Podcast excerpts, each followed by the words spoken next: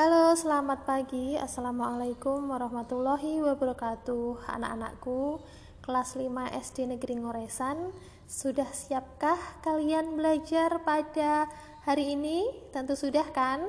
Nah, anak-anakku, sedikit bocoran. Hari ini kita akan belajar materi pendidikan Pancasila dan kewarganegaraan tema 1, subtema 1 tentang nilai-nilai yang terkandung dalam sila-sila Pancasila. Sebelum dimulai, mari kita berdoa menurut agama dan kepercayaan kita masing-masing agar apa yang disampaikan Bu Dewi pada hari ini memberikan manfaat kepada kalian.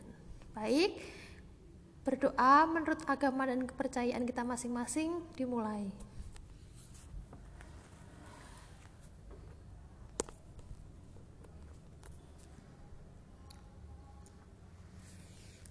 Berdoa selesai.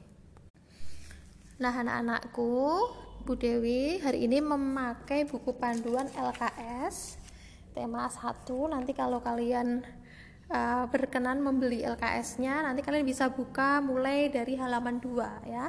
Materi hari ini dimulai Bu Dewi dari halaman 2. Di halaman 2 kita akan menemukan materi tentang nilai-nilai yang terkandung dalam sila Pancasila. Kalian tentu hafal kan isi dari Pancasila itu? Mari kita uh, ucapkan bersama-sama. Bersama-sama ya. Pancasila. Satu, ketuhanan yang Maha Esa.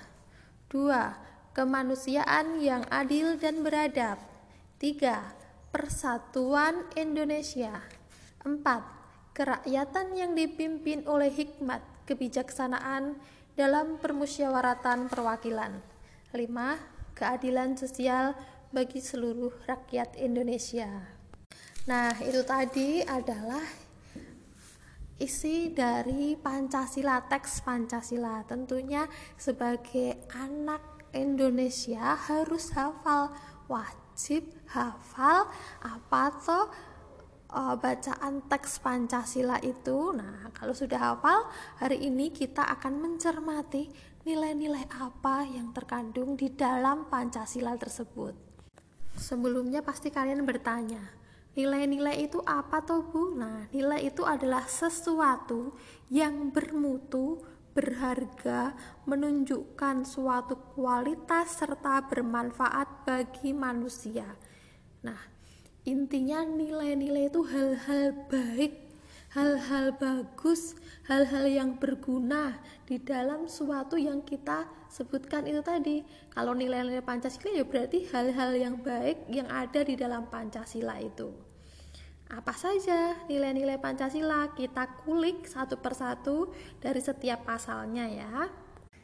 Kita mulai dari sila pertama yakni ketuhanan yang Maha Esa. Nah, bunyinya adalah ketuhanan yang Maha Esa. Di sila ini tentu erat kaitannya dengan hubungan manusia terhadap Tuhannya.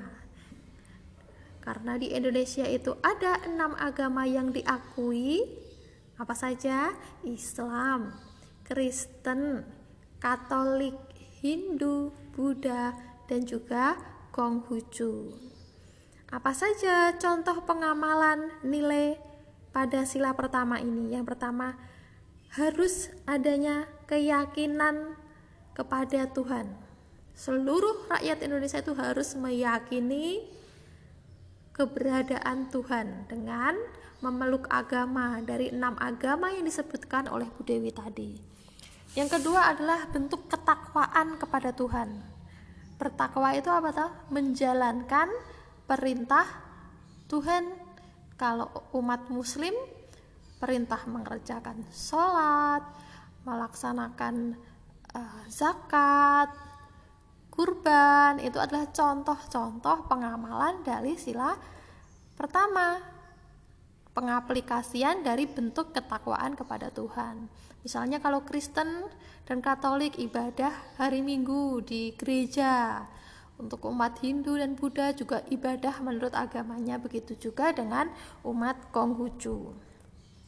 Terus yang ketiga adalah bentuk toleransi antar umat beragama. karena di Indonesia itu adalah negara yang beragam banyak uh, orang yang memeluk agama berbeda-beda kita harus melakukan toleransi apa tuh toleransi itu toleransi itu adalah hal yang mengajarkan kita untuk saling hormat menghormati di antara umat beragama yang nantinya akan menjadikan persatuan dan kesatuan Indonesia. Misalkan uh, kalian di kelas kan ada yang beragama Muslim, ada yang beragama Kristen dan juga Katolik. Saat uh, yang beragama Muslim menjalankan ibadah sholat di musola, yang Kristen dan Katolik tidak membuat kegaduhan saat teman yang beragama Kristen dan Katolik berdoa misalkan yang beragama Islam juga tidak membuat kegaduhan atau mengganggu. Jadi saling menghormati saling menghargai itu adalah contoh bentuk toleransi. Yang keempat adalah kebebasan memeluk dan menjalankan agamanya. Jadi tidak ada paksaan untuk seluruh rakyat Indonesia memeluk agama tertentu jadi kamu harus memeluk agama ini nih sama dengan aku. Kamu nggak boleh uh, memilih agama sesuai dengan keyakinanmu. Lah itu tidak ada ya. Jadi bebas memeluk agama sesuai dengan keyakinan masing-masing tidak ada paksaan. Begitu. Itu adalah beberapa contoh nilai-nilai yang terkandung dalam sila pertama ketuhanan yang maha esa kita ulangi lagi ya. Yang pertama, harus yakin tentang adanya Tuhan. Yang kedua, harus bertakwa kepada Tuhan dengan menjalankan perintah Tuhan. Yang ketiga adalah toleransi antar umat beragama dan yang keempat adalah kebebasan memeluk dan menjalankan agama. Berikutnya adalah nilai-nilai sila kedua kemanusiaan yang adil dan beradab. Contoh penerapan nilai ini yang pertama adalah kesamaan derajat antar setiap warga negara. Jadi derajatnya itu sama di mata negara. Entah kamu punya uh, kedudukan atau tidak memiliki kedudukan, memiliki uang yang banyak atau tidak memiliki uang sama di di mata negara. Jadi mendapatkan hak dan melakukan kewajiban yang sama. Lalu yang kedua simbol pengakuan atas kemanusiaan. Jadi manusia itu harus beradab. Yang tercantum dalam rumusan sila kedua ini membuktikan sekaligus memperingatkan manusia agar selalu beradab pada setiap kesempatan di dalam hidupnya. Adab ini akan menghasilkan pengaruh yang positif yaitu rasa saling mencintai antara sesama manusia dan mengembangkan sikap tenggang rasa. Jadi kalau melihat uh, misalnya kalian pulang sekolah melihat ada orang yang membutuhkan bantuan di jalan kalian mau membantu. Jadi ada sikap beradab ada sikap cinta terhadap sesama. Kalian melihat orang yang sedang kesusahan orang yang sedang kelaparan kalian bantu. Kalian beri apa sebagian uang jajan kalian untuk membantu orang lain yang lebih kesusahan itu adalah contoh pengamalan sila kedua bentuk dari pengakuan atas asas kemanusiaan lalu berani membela kebenaran ya yang berikutnya adalah rasa bangga terhadap bangsa dan negara itu adalah contoh pengamalan dari nilai-nilai sila kedua kemanusiaan yang adil dan beradab. Sekarang sila ketiga, persatuan Indonesia. Nah, ini berhubungan dengan keanekaragaman keanekaragaman suku, budaya, adat istiadat, bangsa, agama dan lain-lain ya yang ada di Indonesia. Jadi walaupun berbeda-beda ada semboyannya ini. Walaupun berbeda-beda tetapi tetap satu jua ya. Walaupun banyak sekali perbedaan tapi kita tetap bersatu tetap rukun karena yang tadi pertama dijelaskan adanya toleransi. Contoh nilai-nilai sila ketiga apa saja? Yang pertama tentunya rasa persatuan dan kesatuan. Yang kedua rela berkorban demi bangsa dan negara. Lalu cinta tanah air. Contoh cinta tanah air apa? Lebih suka produk-produk dalam negeri daripada produk luar negeri. Nah, itu contoh cinta tanah air. Contoh kecil saja. Lalu yang keempat nilai sila ketiga yang keempat adalah memajukan pergaulan yang berbineka tunggal ika. Jadi kalau kalian berteman tidak hanya dengan satu suku saja, ah saya maunya berteman dengan orang-orang yang sama dari suku Jawa aja. Nggak boleh seperti itu ya. Aku hanya mau berteman dengan yang satu agama saja yang beda agama aku nggak mau. Nah itu menunjukkan adanya sikap apa kemunduran terhadap pergaulan berbineka tunggal ika. Harusnya apa? Harusnya ya berteman dengan siapa pun berteman dengan golongan apa pun berteman dengan suku mana pun toh kenyataannya kita adalah satu tanah air Indonesia. Nah, itu uh, pengamalan atau nilai-nilai sila ketiga. Diulangi lagi ya, nilai-nilai sila ketiga ada rasa persatuan dan kesatuan, rela berkorban demi bangsa dan negara, cinta tanah air. Dan yang keempat, memajukan persatu pergaulan yang berbineka tunggal ika. Baik, sekarang ke sila keempat. Nilai-nilai pada sila keempat, kerakyatan yang dipimpin oleh hikmat, kebijaksanaan dalam permusyawaratan perwakilan. Apa saja nilai-nilai yang terkandung dalam sila keempat ini? Ya, yang pertama, kedaulatan berada di tangan rakyat. Maksudnya apa? Maksudnya adalah bahwa di Indonesia ini kedaulatan atau kekuasaan tertinggi itu ada di tangan rakyat. Jadi, apa pun setiap kepentingan rakyat ya yang bertujuan untuk memajukan kesejahteraan umum itu harus dilaksanakan dengan sepenuhnya. Itu adalah nilai yang terkandung dari sila keempat. Jadi dulu para pahlawan menyusun rumusan Pancasila ini maksud dari sila keempat itu adalah bahwa yang berkuasa di Indonesia itu adalah rakyat. Segala sesuatu yang dilakukan untuk kepentingan rakyat itu harus dilaksanakan sepenuhnya ya. Itu maksud dari sila keempat. Lalu nilai yang kedua adalah adanya perwakilan rakyat. Nah, negara Indonesia itu adalah negara demokrasi. Contohnya ini. Contoh pengamalan nilai sila keempat adanya pemilu kita memilih wakil kita nanti kalau kalian umurnya sudah uh, memenuhi 17 tahun ya bisa ikut pemilu nyoblos. Wakil yang kalian inginkan untuk mewakili kalian nanti di DPR sana untuk merancang undang-undang itu siapa kalian coblos. Bless misalnya siapa ada dari kalian yang mau jadi anggota DPR? Nah, kalau nanti kalian punya cita-cita jadi anggota DPR harus amanah ya. Amanah dari aspirasi rakyat yang memilih kalian. Jadi tujuan utamanya adalah ingin memajukan dan mensejahterakan rakyat. Baik, itu adanya perwakilan rakyat. Yang ketiga adalah mengutamakan musyawarah dalam pengambilan keputusan. Nah, jadi kalau mengambil keputusan apalagi untuk kepentingan bersama, jangan diambil sendiri, jangan diputuskan sendiri. Tentunya harus melalui proses musyawarah. Misalnya nih, yang lebih hal yang sederhana saja. Kita naik sebelum naik ke kelas 6 mau piknik dulu, mau piknik ke mana ya ini ya? Apa boleh kalau ditentukan sendiri oleh ketua kelasnya, Bu? Karena ketua kelasnya suka uh, ke gunung ketua kelas menentukan sendiri bu nanti kelas 5 pikniknya ke Gunung Lawu ke Tawang Mangu.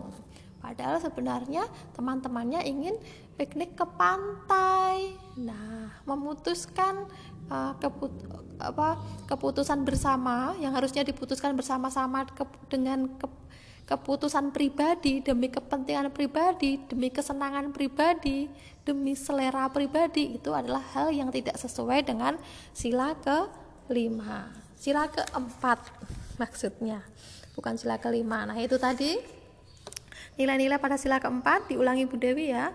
Yang pertama kedaulatan berada di tangan rakyat adanya perwakilan rakyat dan yang ketiga mengutamakan musyawarah dalam pengambilan keputusan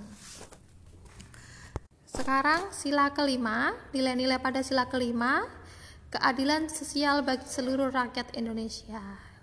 Nah, yang pertama mengembangkan perbuatan yang luhur. Pada sila kelima ini lebih menekankan pada praktik individu dalam bergaul dengan sesama. Sila ini meminta kita untuk selalu mengembangkan perbuatan yang luhur, yang mana perbuatan ini mencerminkan sikap kekeluargaan dan kegotong royongan. Yang kedua, itu menjaga keseimbangan hak dan kewajiban. Hak sebagai warga negara apa? Membayar pajak misalnya. Kewajibannya apa? Memperoleh pendidikan, memperoleh lingkungan yang aman dan lain-lain. Kalau hak kalian sebagai anak apa? Haknya ya mendapat kasih sayang, mendapatkan uh, perlindungan, mendapatkan kesehatan, mendapatkan makan yang bergizi. Nah, kewajibannya apa? Hormat pada orang tua, membantu orang tua di rumah. Ayo, kalian siapa yang di rumah itu hanya menuntut hak, hanya menuntut hak saja, tidak melaksanakan kewajiban. Nah, itu berarti kalian tidak mengamalkan sila kelima ma hanya nuntut hak saja hanya minta uang ma. Untuk jajan ma aku harus dikasih ini harus dikasih itu. Tapi mengerjakan tugas tidak mau tidak membantu orang tua tidak sopan dengan orang tua. Nah itu adalah contoh perbuatan yang tidak mengamalkan sila kelima tapi muridnya Bu Dewi pasti tidak ada yang seperti itu ya. Semua muridnya Bu Dewi itu seimbang menjalankan haknya, menerima haknya dan juga menjalankan kewajibannya. Baik, yang ketiga adalah mewujudkan kemajuan yang merata. Nah, ini di Indonesia itu ada yang namanya kesenjangan sosial kesenjangan sosial itu yang kaya semakin kaya, yang miskin semakin miskin, sehingga jarak antara yang kaya dan miskin itu senjang atau jauh. Nah, jadi pemerintah ada upaya untuk mewujudkan kemajuan yang merata. Jadi memberikan bantuan kepada uh, keluarga-keluarga atau golongan masyarakat yang masih membutuhkan bantuan, membuka lapangan pekerjaan, termasuk jika memiliki banyak uang ya, untuk orang-orang yang memiliki banyak uang bersikap tidak boros adalah termasuk pengamalan Pancasila sila ke-5. Baik, diulangi lagi sama Bu Dewi ya. Nilai-nilai yang terkandung pada sila kelima. Yang pertama, mengembangkan perbuatan yang luhur. Yang kedua, menjaga keseimbangan hak dan kewajiban. Yang ketiga, mewujudkan kemajuan yang merata. Baik, ternyata sudah hampir 20 menit. Kalian pasti capek ya mendengarkan Bu Dewi menjelaskan dari tadi. Nah, kalian ringkas penjelasan Bu Dewi tadi. uh, tidak usah terlalu banyak, yang penting hal-hal yang penting saja yang kalian tulis atau kalian kalau sudah beli LKS nanti kalian bisa sambil menggaris bawahi hal-hal yang uh, kira-kira penting baru kalian salin dan kalian kirim ke Bu Dewi Japri. Oke? Ditunggu Bu Dewi sampai pukul 7 besok pagi ya.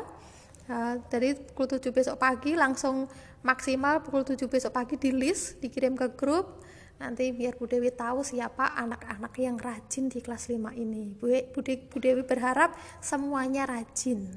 Baik terima kasih untuk hari ini. Wassalamualaikum warahmatullahi wabarakatuh